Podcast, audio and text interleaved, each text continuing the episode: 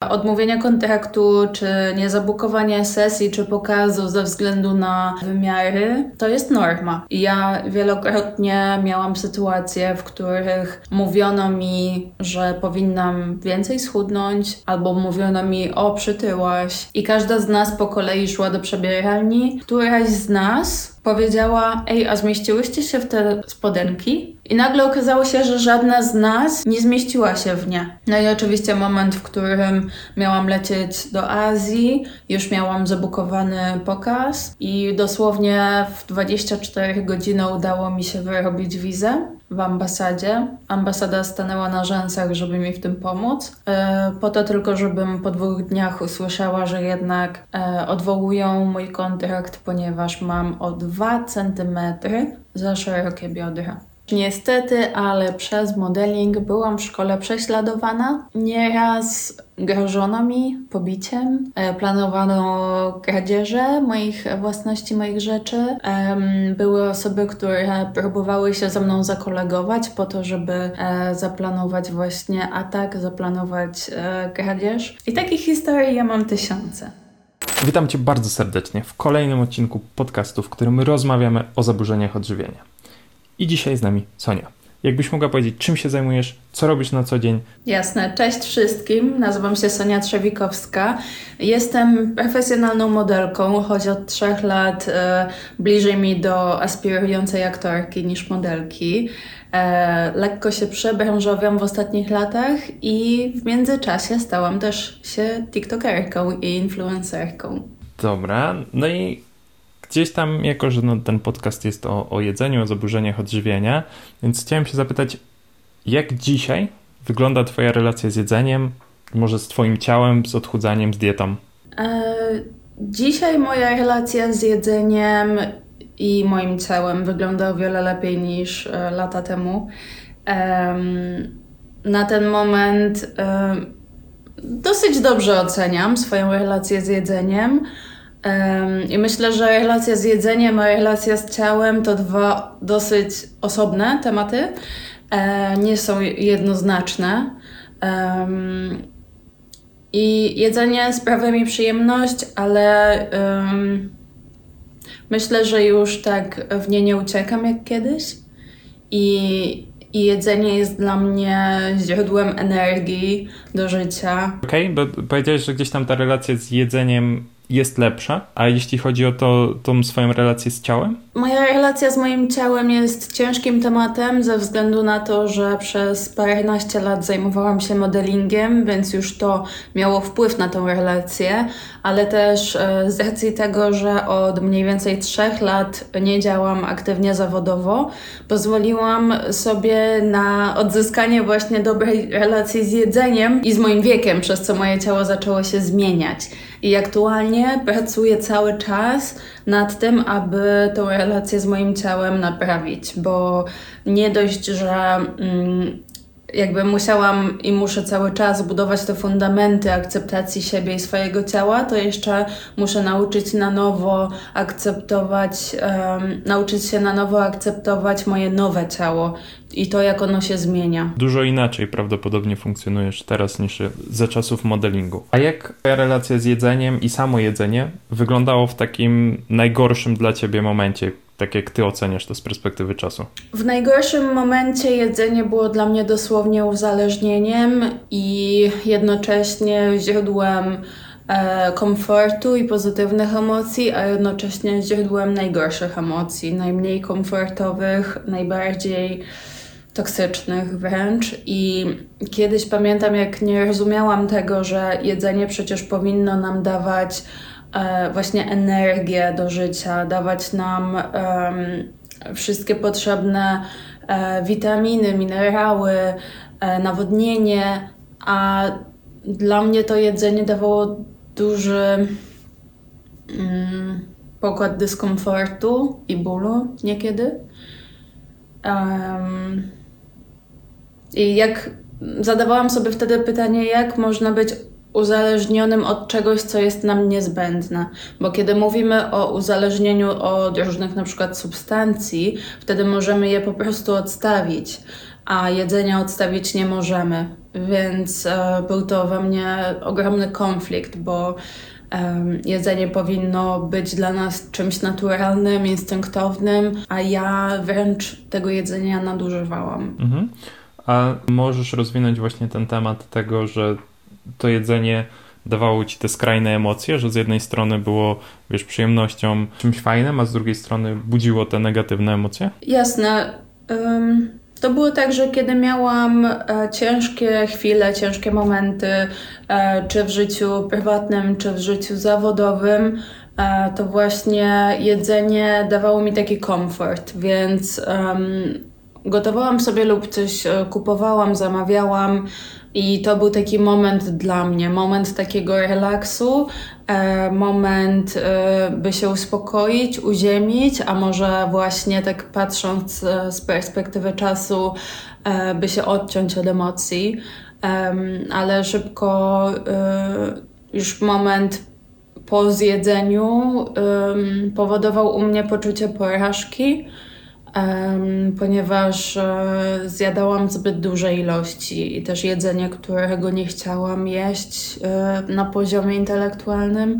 Decydowałam się, że nie powinnam, bądź e, kazano, nie pozwalano mi pewnych rzeczy jeść, a właśnie je chciałam jeść, kiedy miałam te gorsze chwile.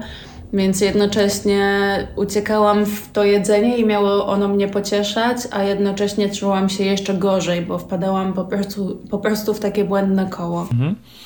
E, czy wtedy albo kiedyś później mm, byłaś u kogoś prosić o pomoc w tym aspekcie tego jedzenia, czy jakby ze wszystkim starałaś sobie radzić sama? W większości pozostawałam z tym sama, aczkolwiek raz udałam się do psychodietetyka, który bardzo mi pomógł już jedną sesją, ale niestety e, byłam w takim miejscu, że nie udałam się do niego po raz kolejny. E, czego żałowałam już po jakimś czasie, bo po jednej sesji czułam się naprawiona, e, ale dosłownie po tygodniu wszystko się sypnęło i wróciłam do punktu zero. I czy w ogóle w tamtym momencie czułaś, że coś jest nie tak na tej przestrzeni relacji z jedzeniem, czy jakby dla ciebie to była norma po prostu i uznawałeś, że tak jest i tak powinno być? Zdawałam sobie z tego sprawę, że coś jest nie tak, tylko nie wiedziałam co, bo wcześniej wiedziałam tylko o anoreksji, bulimii, nie znałam żadnych innych zaburzeń odżywiania, więc e, zdecydowanie wiedziałam, że coś jest nie tak, ale nie wiedziałam co, nie wiedziałam jak to nazwać, nie wiedziałam jak do tego podejść. Um, ale jestem osobą, która zawsze szukała odpowiedzi i już od e, nastoletnich lat czytam książki psychologiczne między innymi, więc e, zawsze szukam po prostu odpowiedzi w, e, w takich źródłach jak książki i znalazłam w końcu informacje o różnych rodzajach zaburzeń odżywiania i dopasowałam sobie e, BED, czyli Binge Eating Disorder. Um, to jest chyba po polsku kompulsywne obiadanie się. I nagle, jak zaczęłam się o tym dowiadywać i czytać, e, to y, wszystko jakby zaczęło mieć sens, zaczęły mi się łączyć kropki. Um, I zdecydowanie, tak jak mówię, że wiedziałam, że coś jest nie tak, ja, mm, we mnie to się tak budowało na przestrzeni lat. Um, I szukałam na początku genez problemów modelingu, później się jeszcze w dzieciństwie doszukałam, ale jakby zaobserwowałam to, że, że problem się pogłębia i, i że już nie widzę wyjścia z niego i dlatego w końcu go zauważyłam i go nazwałam. I co z tym zrobiłaś wtedy? Jak sobie poradziłaś z tym? No bo już miałaś jakby tą świadomość, wiedziałaś co, co to jest jakby i, i gdzieś tam trochę wiedzy miałaś, świadomości miałaś. I wtedy zaczęłaś pracować sama sobie nad tym? Starałam się sama nad tym pracować, aczkolwiek no, ta praca nie była tak efektowna i intensywna od samego początku, bo kilka lat um, zajęło mi e, budowanie w ogóle relacji z samą sobą, takiej też asertywności, pewności siebie, bardziej na początku e, zakopywałam ten problem i czułam, że jest to poza moją kontrolą kompletnie. i nie widziałam wyjścia z tego. I szukałam osób, które mogłyby podzielić się e, swoją historią wyzdrowienia. Szukałam kolejnych książek, informacji.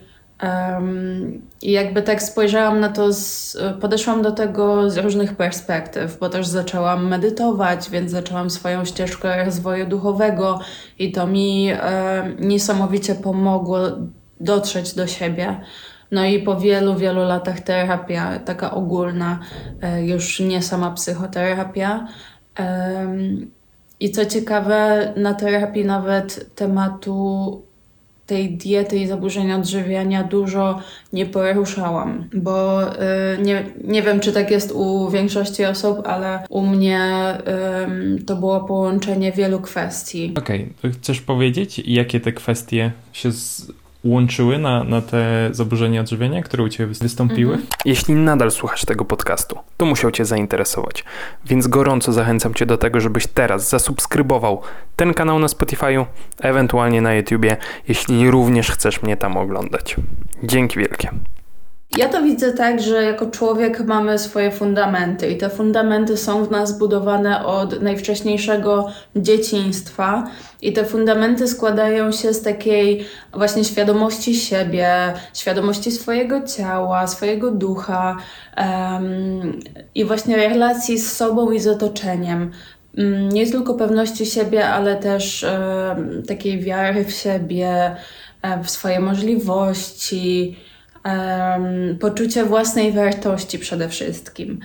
Um, I w momencie, kiedy zaczynasz taką ścieżkę, e, gdzie przykładowo tak jak ja e, zaczęłam modeling w wieku 14 lat, więc byłam bardzo młoda e, i jeszcze byłam jak taka gąbka, która chłonęła wszystko z zewnątrz i nie miałam zbyt silnych tych fundamentów, łatwiej było na mnie wpłynąć w zły sposób, w dobry sposób.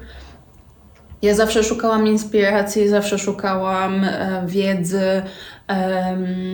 Z każdej kultury, do której podróżowałam, starałam się wyciągnąć dla siebie jak najwięcej. Ale jednocześnie nie byłam świadoma tego, że przez brak asertywności i brak właśnie posiadania mocnych fundamentów, łatwo mi, mi było coś e, odebrać i otoczenie potrafiło być dla mnie destrukcyjne. Um, I nie tylko otoczenie, a w ogóle branża modelingowa. Ja to wszystko przyjmowałam, jednocześnie nie zdając sobie sprawy, jak destrukcyjne to jest dla mnie. I jakie największe właśnie takie umiejętności, które nabyłaś wiesz, na przestrzeni terapii, e, książek, szukania, złożyły się na to, że z tą relacją z jedzeniem poprawiłaś yy, funkcjonowanie i też z tymi zaburzeniami odżywiania poradziłaś sobie? Według mnie zaburzenia odżywiania są na tyle złożonym tematem, złożoną kwestią, że warto do niego podejść mm, z różnych stron właśnie i ja właśnie tak do tego podeszłam, bo starałam się budować swoją samoświadomość, um, um, swoje uziemienie w tu i teraz, e, jednocześnie właśnie praktykując różne duchowe, między innymi medytacje, e, czytając te książki, więc e, starałam się doedukować siebie oraz moich najbliższych na poziomie merytorycznym, chociażby o zaburzeniach odżywiania, ale też dotrzeć do siebie poprzez właśnie różnego rodzaju medytacje i tym podobne. Robiłaś też kiedyś jakieś sesje oddechowe? Mm, tak. Próbowałam różnych e, technik oddechowych. Um, jakieś Wim Hofa, różne techniki oddechowe, kundalini.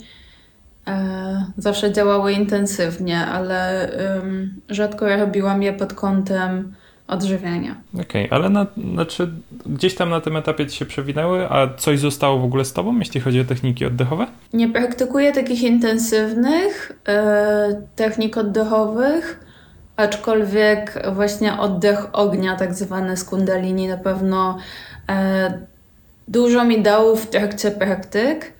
Um, ale myślę, że ogólnie y, taka świadomość swojego oddechu jest mega ważna. W momencie, kiedy nawet nie zauważam tego, że wpadła mi jakaś myśl, która miała wpływ na moje samopoczucie, jestem w stanie to wyłapać, zauważyć poprzez właśnie zmianę mojego oddechu.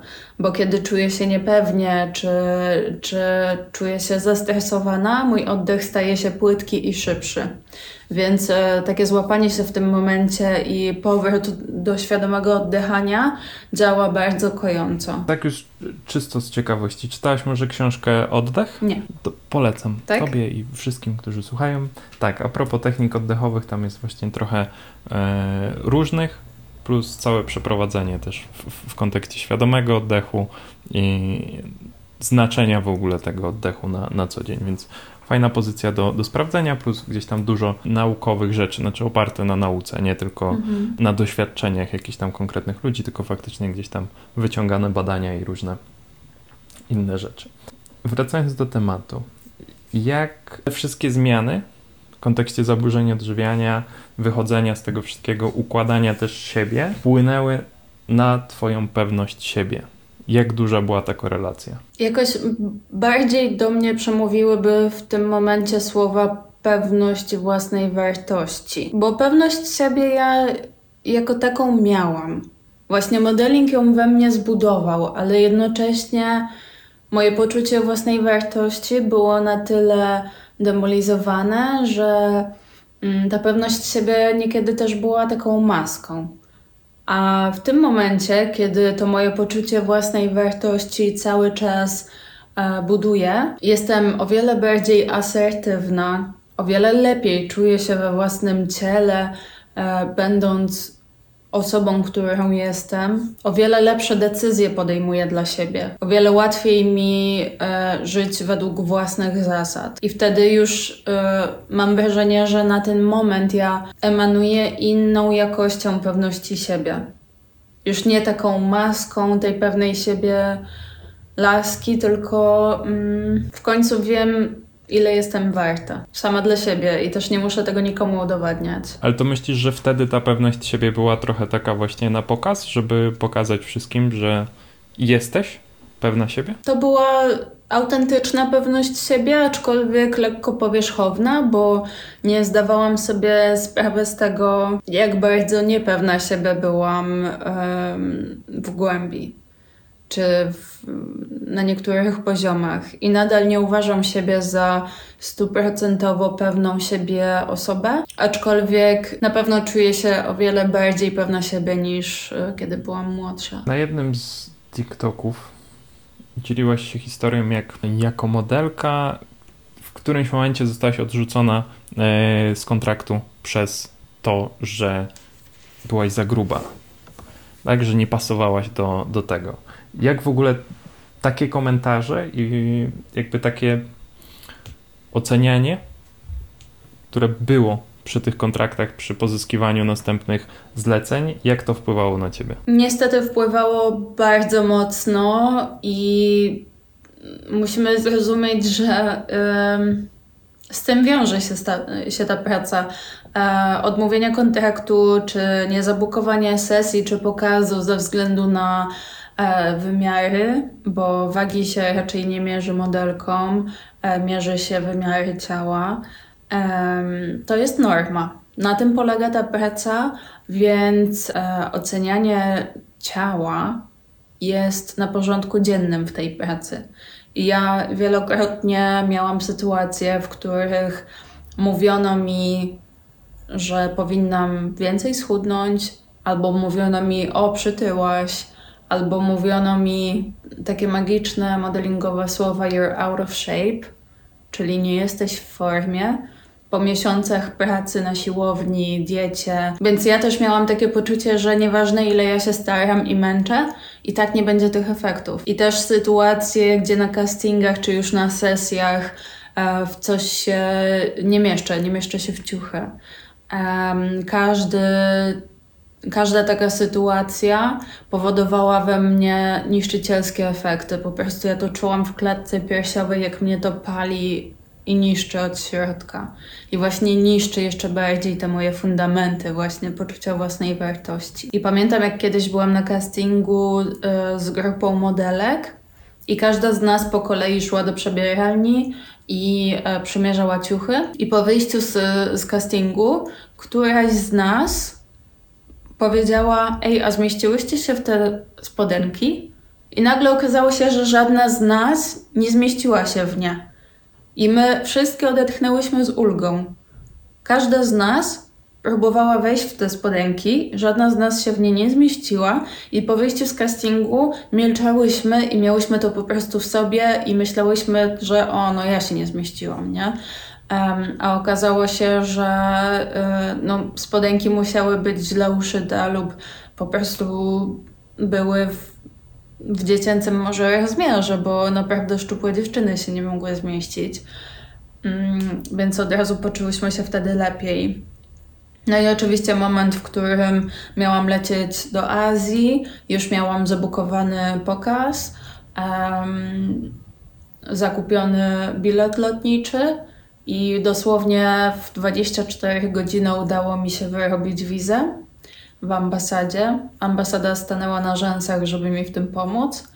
E, po to tylko, żebym po dwóch dniach usłyszała, że jednak e, odwołują mój kontrakt, ponieważ mam o 2 cm za szerokie biodra. Czyli o tyle. I takich historii ja mam tysiące.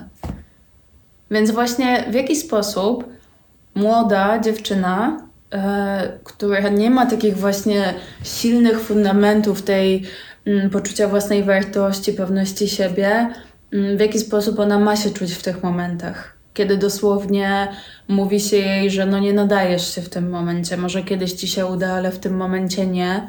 I od tego są zależne Twoje zarobki, od tego są zależne, od tego jest zależny rozwój e, Twojej kariery.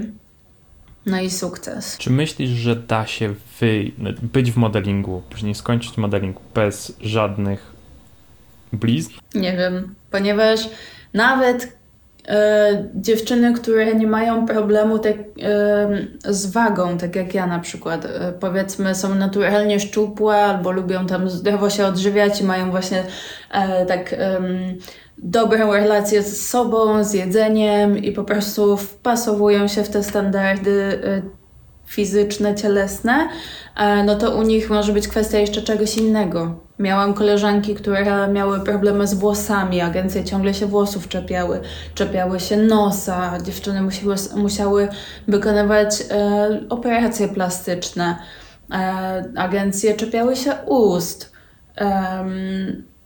Albo za szerokich ramion, albo zbyt umieśnionych łydek, po prostu zawsze coś. Mam wrażenie, że właśnie oczywiście Słyszymy o tym, że to się nieco zmienia, ale czy naprawdę na dużej skali? Nie jestem tego pewna. Um, od modelek um, jednocześnie wymaga się, żeby były idealne, ale jednocześnie dla każdego, nawet projektanta, ten ideał może inaczej wyglądać. Więc nawet jeśli często słyszymy pozytywy, komplementy i dobrze nam idzie, to czasem możemy usłyszeć bardzo niefajny komentarz w, nas, w naszą stronę.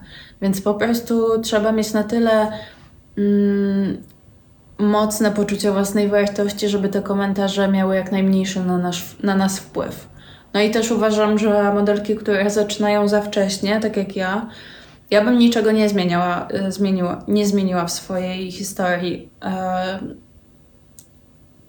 Mm, super, że zaczęłam modeling w wieku 14 lat, ale tak jak na przestrzeni lat obserwowałam modelki, to jednak zauważyłam, że te dziewczyny, które zaczynały tą pracę po 18 roku życia, po 19 roku życia i później, um, modeling nie miał na nie tak złego wpływu. Były w stanie powiedzieć nie, były w stanie ocenić, czy dany komentarz w ich kierunku um, powinien mieć wpływ na ich samoocenę, czy nie. Były silniejsze, były dojrzalsze, były bardziej przygotowane na to wszystko. A jeśli chodzi właśnie o te mity, plotki, ciężko to nazwać, yy, odnośnie diet, modelek. To jak to faktycznie wygląda, wiesz, na, na świecie, no bo ty w różnych miejscach miałeś te kontrakty mm, i czy faktycznie jest tak, że część tych modelek je skrajnie, tak? Czyli bardzo restrykcyjne diety, czy nawet tak jak gdzieś tam e, w internecie były te diety wacikowe przypisywane modelkom. Myślę, że to akurat była kwestia lat 80. i też nie wiem, czy wtedy to była prawda. W tym momencie większość modelek tak naprawdę lubi zdrowo się odżywiać. Więc one stają się znawcami zdrowego odżywiania, bo praca je motywuje do tego, by się więcej o tym odżywianiu dowiadywały. Więc większość modelek powiedziałabym, że odżywia się dobrze. Aczkolwiek no, spotkałam niestety różne przypadki. Tak jak rozmawiam z modelkami, które już ileś lat y, zajmują się modelingiem, to niestety większość z nich przyznawała mi, że jakieś tam e, zaburzenia odżywienia miały. A jeśli chodzi o utrzymywanie diety, to przypomina mi się taka młoda dziewczyna, e, którą poznałam w Paryżu podczas e, Fashion Weeku od Couture.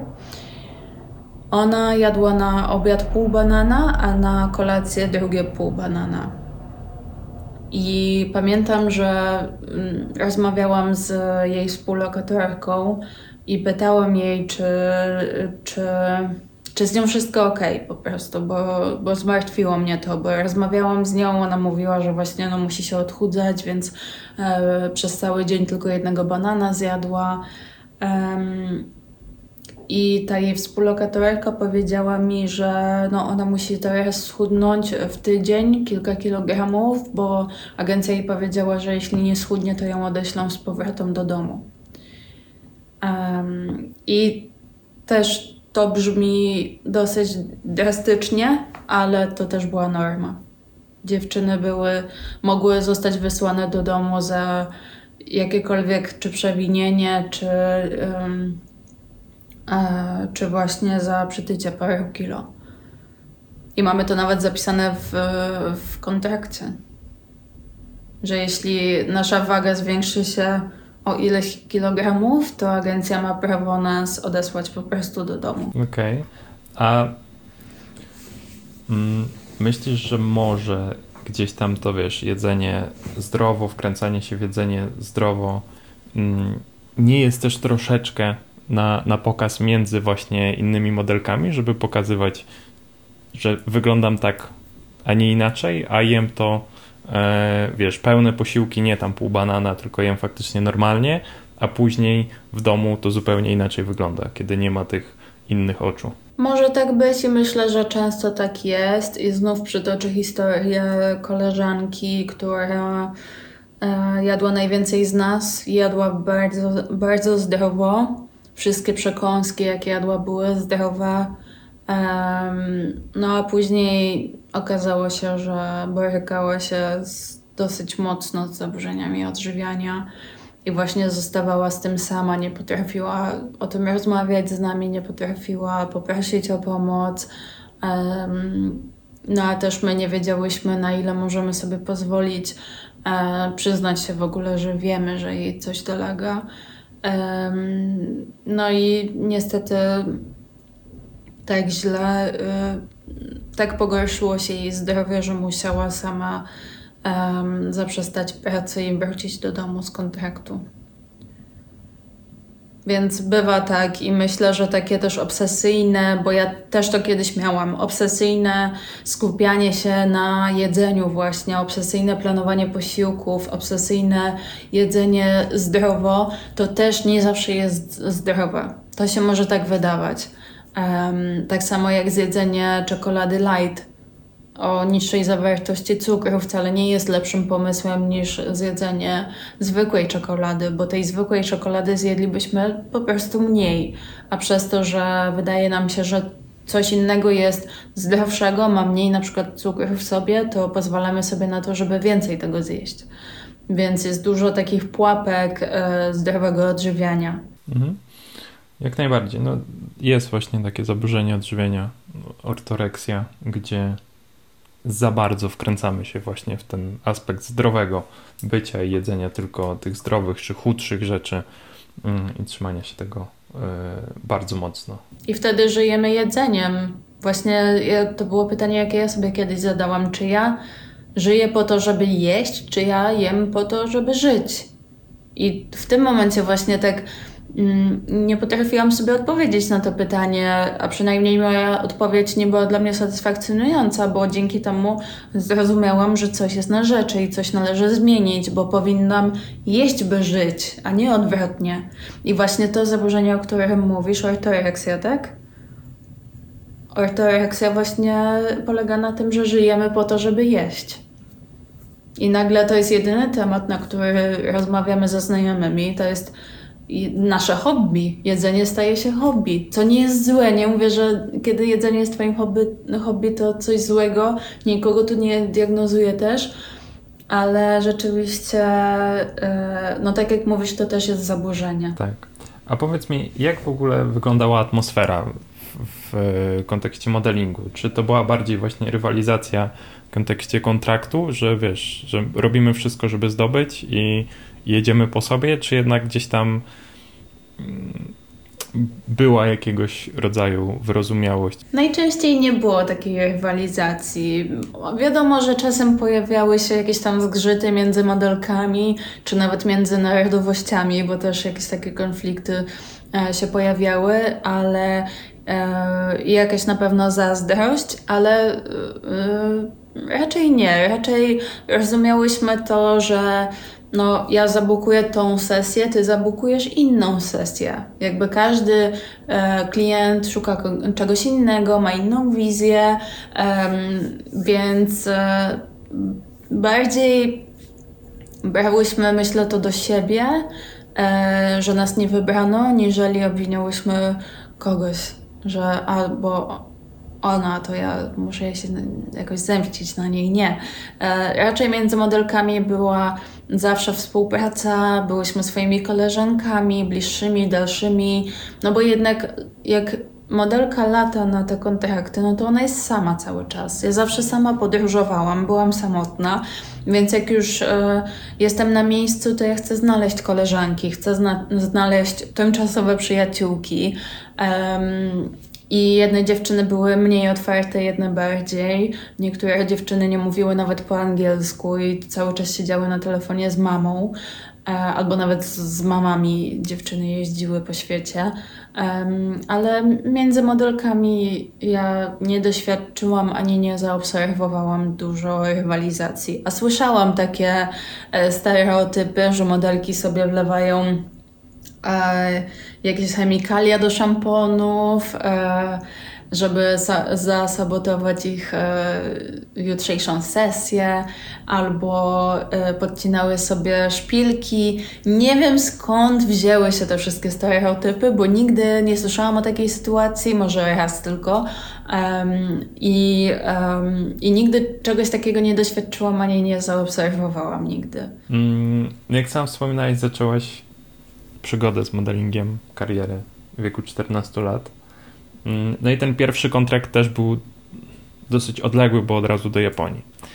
E, jak to, że zaczęłaś w takim wczesnym wieku, no jeszcze szkolnym, jak to w ogóle wpływało na te relacje twoje z rówieśnikami, z osobami w klasie, gdzie jednak ciebie nie było trochę w tej szkole, no i gdzieś tam, no już w takim wieku, pewnie w niektórych oczach, no to raz spełniałaś marzenia niektórych pewnie dziewczyn, e, no i też już jakiś tam sukces to też był, jakby nie patrzeć. A to jest ciężki temat, ponieważ niestety, ale przez modeling byłam w szkole prześladowana. E, nieraz grożono mi pobiciem, e, planowano kradzieże moich własności, moich rzeczy. Były osoby, które próbowały się ze mną zakolegować po to, żeby e, zaplanować właśnie atak, zaplanować e, kradzież. Niestety ja zaczęłam modeling w gimnazjum i gimnazjum, do którego chodziłam, nie było najlepszym otoczeniem. E, I niestety cała szkoła obróciła się przeciwko mnie, kiedy dowiedzieli się, że zostałam modelką. A jeszcze mama ostrzegała mnie przed moim pierwszym wylotem właśnie do Japonii, żebym nikomu się nie chwaliła, nikomu nie mówiła. I ja jeszcze wtedy nie rozumiałam dlaczego. Przecież, um, przecież to jest fajna rzecz, przecież ja jestem podekscytowana, to jest coś tak fajnego. Na pewno nie jedna dziewczyna z mojej szkoły mogłaby e, dostać taki kontrakt. Um, ja chciałam tym się cieszyć głośno, chciałam, yy, żeby się ludzie ze mną cieszyli, ale posłuchałam mamy i nikomu nie powiedziałam. Jednak w momencie, kiedy mnie nie było w Polsce, e, pojawiłam się na okładce gazety i byłam na billboardach, na przystankach autobusowych i w taki sposób dowiedzieli się, dlaczego mnie mam nie w szkole. Um, I niestety, wiadomo, tam Google wszystko im powiedział i niestety po moim powrocie e, do szkoły e, no miałam przekichane. Niestety. E, nie był to najlepszy moment w moim życiu i nie wspominam tego dobrze. I pamiętam taką sytuację, jak poleciałam rok później z powrotem do Japonii i miałam współlokatorkę z Kanady. E, I pamiętam, jak zadzwoniła do niej nauczycielka i cała klasa dzieciaków. Około, nie wiem, 20 osób z nauczycielką i rozmawiali z nią na Skype'ie i wszyscy się dopytywali, jak ci jest w Japonii, jak ci idzie, miałaś już jakieś sesje, a jakieś pokazy. I wszyscy, I wszyscy byli tacy podekscytowani dla niej i tak kibicowali, i tak mówili, że tęsknią za nią i że super, że tam jest, i że spełnia marzenia. I jak wróci, to, e, to sobie więcej pogadają. E, a ja tak siedziałam z tyłu i tak słuchałam tego, i dla mnie w ogóle dopiero wtedy zrozumiałam, że że to nie jest normalne, że nie można się pochwalić, że to nie jest normalne, że nie można otwarcie rozmawiać o swoich przygodach czy o swoim sukcesie. Tylko pytanie, z kim się rozmawia. Niestety u mnie ta rzeczywistość nie była tak przyjemna jak u niej. Ale myślisz, że to też jest kwestia tego, że w Polsce mamy gdzieś taki trochę problem, że jak komuś idzie lepiej niż tobie, to gdzieś tam budzi się taka bardziej zazdrość niż e, cieszenie się też z tego sukcesu? Niestety tak. E, nie chciałam tego tak wprost mówić, że to jest taka nasza polska mentalność, ale jednak e, nie bez powodu wspomniałam o tym, że koleżanka była z Kanady, gdzie społeczeństwo jest kojarzone z byciem miłym i uprzejmym. Króciutka przerwa na autopromocję. Bo jeśli ty również masz zaburzenie odżywienia lub zaburzoną relację z jedzeniem i chciałabyś popracować nad tym, zmienić to, jak to wygląda, to koniecznie napisz do mnie na Instagramie Wojciech Felinczak i zaczniemy działać. Myślisz, że właśnie przez to, że wiesz, podróżowałeś, miałeś trochę do czynienia z różnymi kulturami, to jeśli chodzi o takie właśnie skazy zazdrości, powiedzmy, to mamy największy problem, jeśli chodzi o te narody, z którymi się stykałaś? Myślę, że nie największy, ponieważ e, są państwa, w których jest większa taka potrzeba e, osiągnięcia czegoś, wyrwania się, zaistnienia w świecie i osoby z tych państw zazwyczaj były takie najbardziej toksyczne czystego państwa, może mówię o jednym państwie. Okej. Okay. E, a sam ten, wiesz, wyjazd e, do Japonii, pierwszy kontrakt, to co cię spotkało potem, jak już wróciłaś, to te doświadczenia zmusiły cię do tego, żeby gdzieś tam trochę szybciej dorosnąć? Na pewno. Na pewno samodzielny pobyt w ogóle w Japonii w wieku 14 lat i później powrót do szkoły, w której mnie prześladowano. Mm, to wszystko mnie zmotywowało do tego, żeby jak najszybciej, jak najwięcej osiągnąć i jak najszybciej się stamtąd wyrwać. Więc też um, stamtąd, czyli y, z otoczenia, w którym z którego pochodzę, czyli też z Polski. Ja od młodego wieku chciałam mm, z Polski uciec, nie widziałam tu swojego miejsca i między innymi dlatego, jak toksyczna dla mnie była moja szkoła, czy w ogóle otoczenie. Um, dlatego y, dziś dziwię się, wszyscy się dziwią, dlaczego mieszkam w Polsce od trzech lat. No, pewne rzeczy się zmieniły, um, ale na pewno musiałam szybko dorosnąć, bo to, z czym bardzo szybko przyszło mi się zmagać, um, wymagało dojrzałości. I sam fakt tego, że oczekiwano ode mnie mimo młodego wieku, tego, że będę pracować profesjonalnie i tak samo ciężko jak dorosły człowiek. I ja chciałam temu sprostać, chciałam um, jak najwięcej z siebie dać. I myślę, że taki pierwszy kontakt w wieku 14 lat w Japonii przede wszystkim nauczył mnie etyki pracy. Japończycy są znani z, z pracowitości i profesjonalizmu, więc dużo tego się tam nauczyłam. Teraz też z perspektywy czasu widzę, że nauczyłam się też jeszcze bardziej braku asertywności. Kiedyś to widziałam jako etyka pracy i profesjonalizm, a teraz widzę to też jako brak asertywności, brak połączenia z samą sobą, e, bo niekiedy właśnie jako 14-latka, więc tak naprawdę dziecko, pracowałam po 7 dni w tygodniu E, co było super, bo po to tam byłam, ale jednak no, to nie było łatwe. To było ciężkie. Niektóre dni miałam um, dwie, trzy sesje, dwa, trzy pokazy dziennie po paręnaście godzin. Jakbyś miała możliwość przetransportowania się w czasie i pogadanie ze sobą w tym wieku 14 lat mniej więcej, to jakie dałabyś sobie trzy, trzy rady? Hmm, gdybym tylko mogła się tak przetransportować. Um, dużo rzeczy bym powiedziała. Okej. Okay, um, na pewno bym jej powiedziała, żeby skupiła się na relacji z samą sobą, żeby e, budowała już od najmłodszych lat swoje poczucie własnej wartości, żeby wierzyła w siebie, żeby była spokojna, wszystko będzie dobrze, wszystko się uda.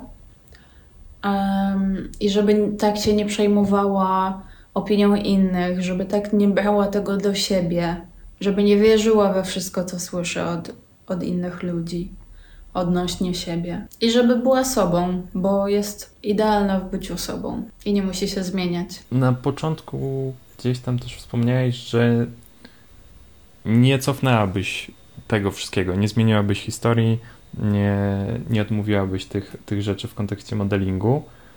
Mm, I co pomimo tych ciężkich przeżyć związanych i z tym pierwszym kontraktem, i wiesz, z tego, co cię spotkało podczas modelingu, co jednak sprawia, że wiesz, że to były dobre rzeczy, dobre decyzje. Wszystko przychodziło do mnie w odpowiednim momencie. Ja od kiedy byłam mm, bardzo młoda, chciałam zacząć pracować. Już jako trzynastolatka szukałam pracy, więc to, że modeling się pojawił i otworzył mi drzwi, bo dał, dał mi też bardzo dużo. Ja tak e, mówiąc o modelingu mówię dużo negatywów, ale też było dużo pozytywów i przede wszystkim modeling to było dla mnie otwarcie wielu drzwi Gdyby nie modeling, nie wiem, kim byłabym teraz, nie wiem, co bym finalnie robiła ze swoim życiem. Um, więc na pewno możliwość podróżowania, zarabiania pieniędzy w tak młodym wieku, um, to wszystko stworzyło człowieka, jakim teraz jestem. I również. Um, te trudne rzeczy, z którymi musiałam, którym musiałam stawić czoła, też stworzyły mnie, którą teraz jestem. Um, ja lubię z każdych doświadczeń życiowych brać lekcje, uczyć się. Uczyć się o sobie, uczyć się o świecie, rozwijać się. Um, więc um, mimo, że momentami było trudno, niełatwo, um, to wyciągnęłam z tych momentów bardzo dużo dla siebie. Dlatego ja nie żałuję niczego, co mi się w życiu przydarzyło, bo wszystko miało swoje plusy i minusy. Mm. I dzięki temu mam już takie różnorodne doświadczenia, które um, no, które po prostu tworzą to, kim teraz jestem i jakie decyzje dalej w życiu podejmuję. To na sam koniec, jakbyś mogła powiedzieć, gdzie można Cię znaleźć w internecie? Można mnie znaleźć na Instagramie i na TikToku. Nazywam się It Sonia T, czyli ITS Sonia T. Okej, super. Dzięki wielkie za rozmowę. Dzięki wielkie.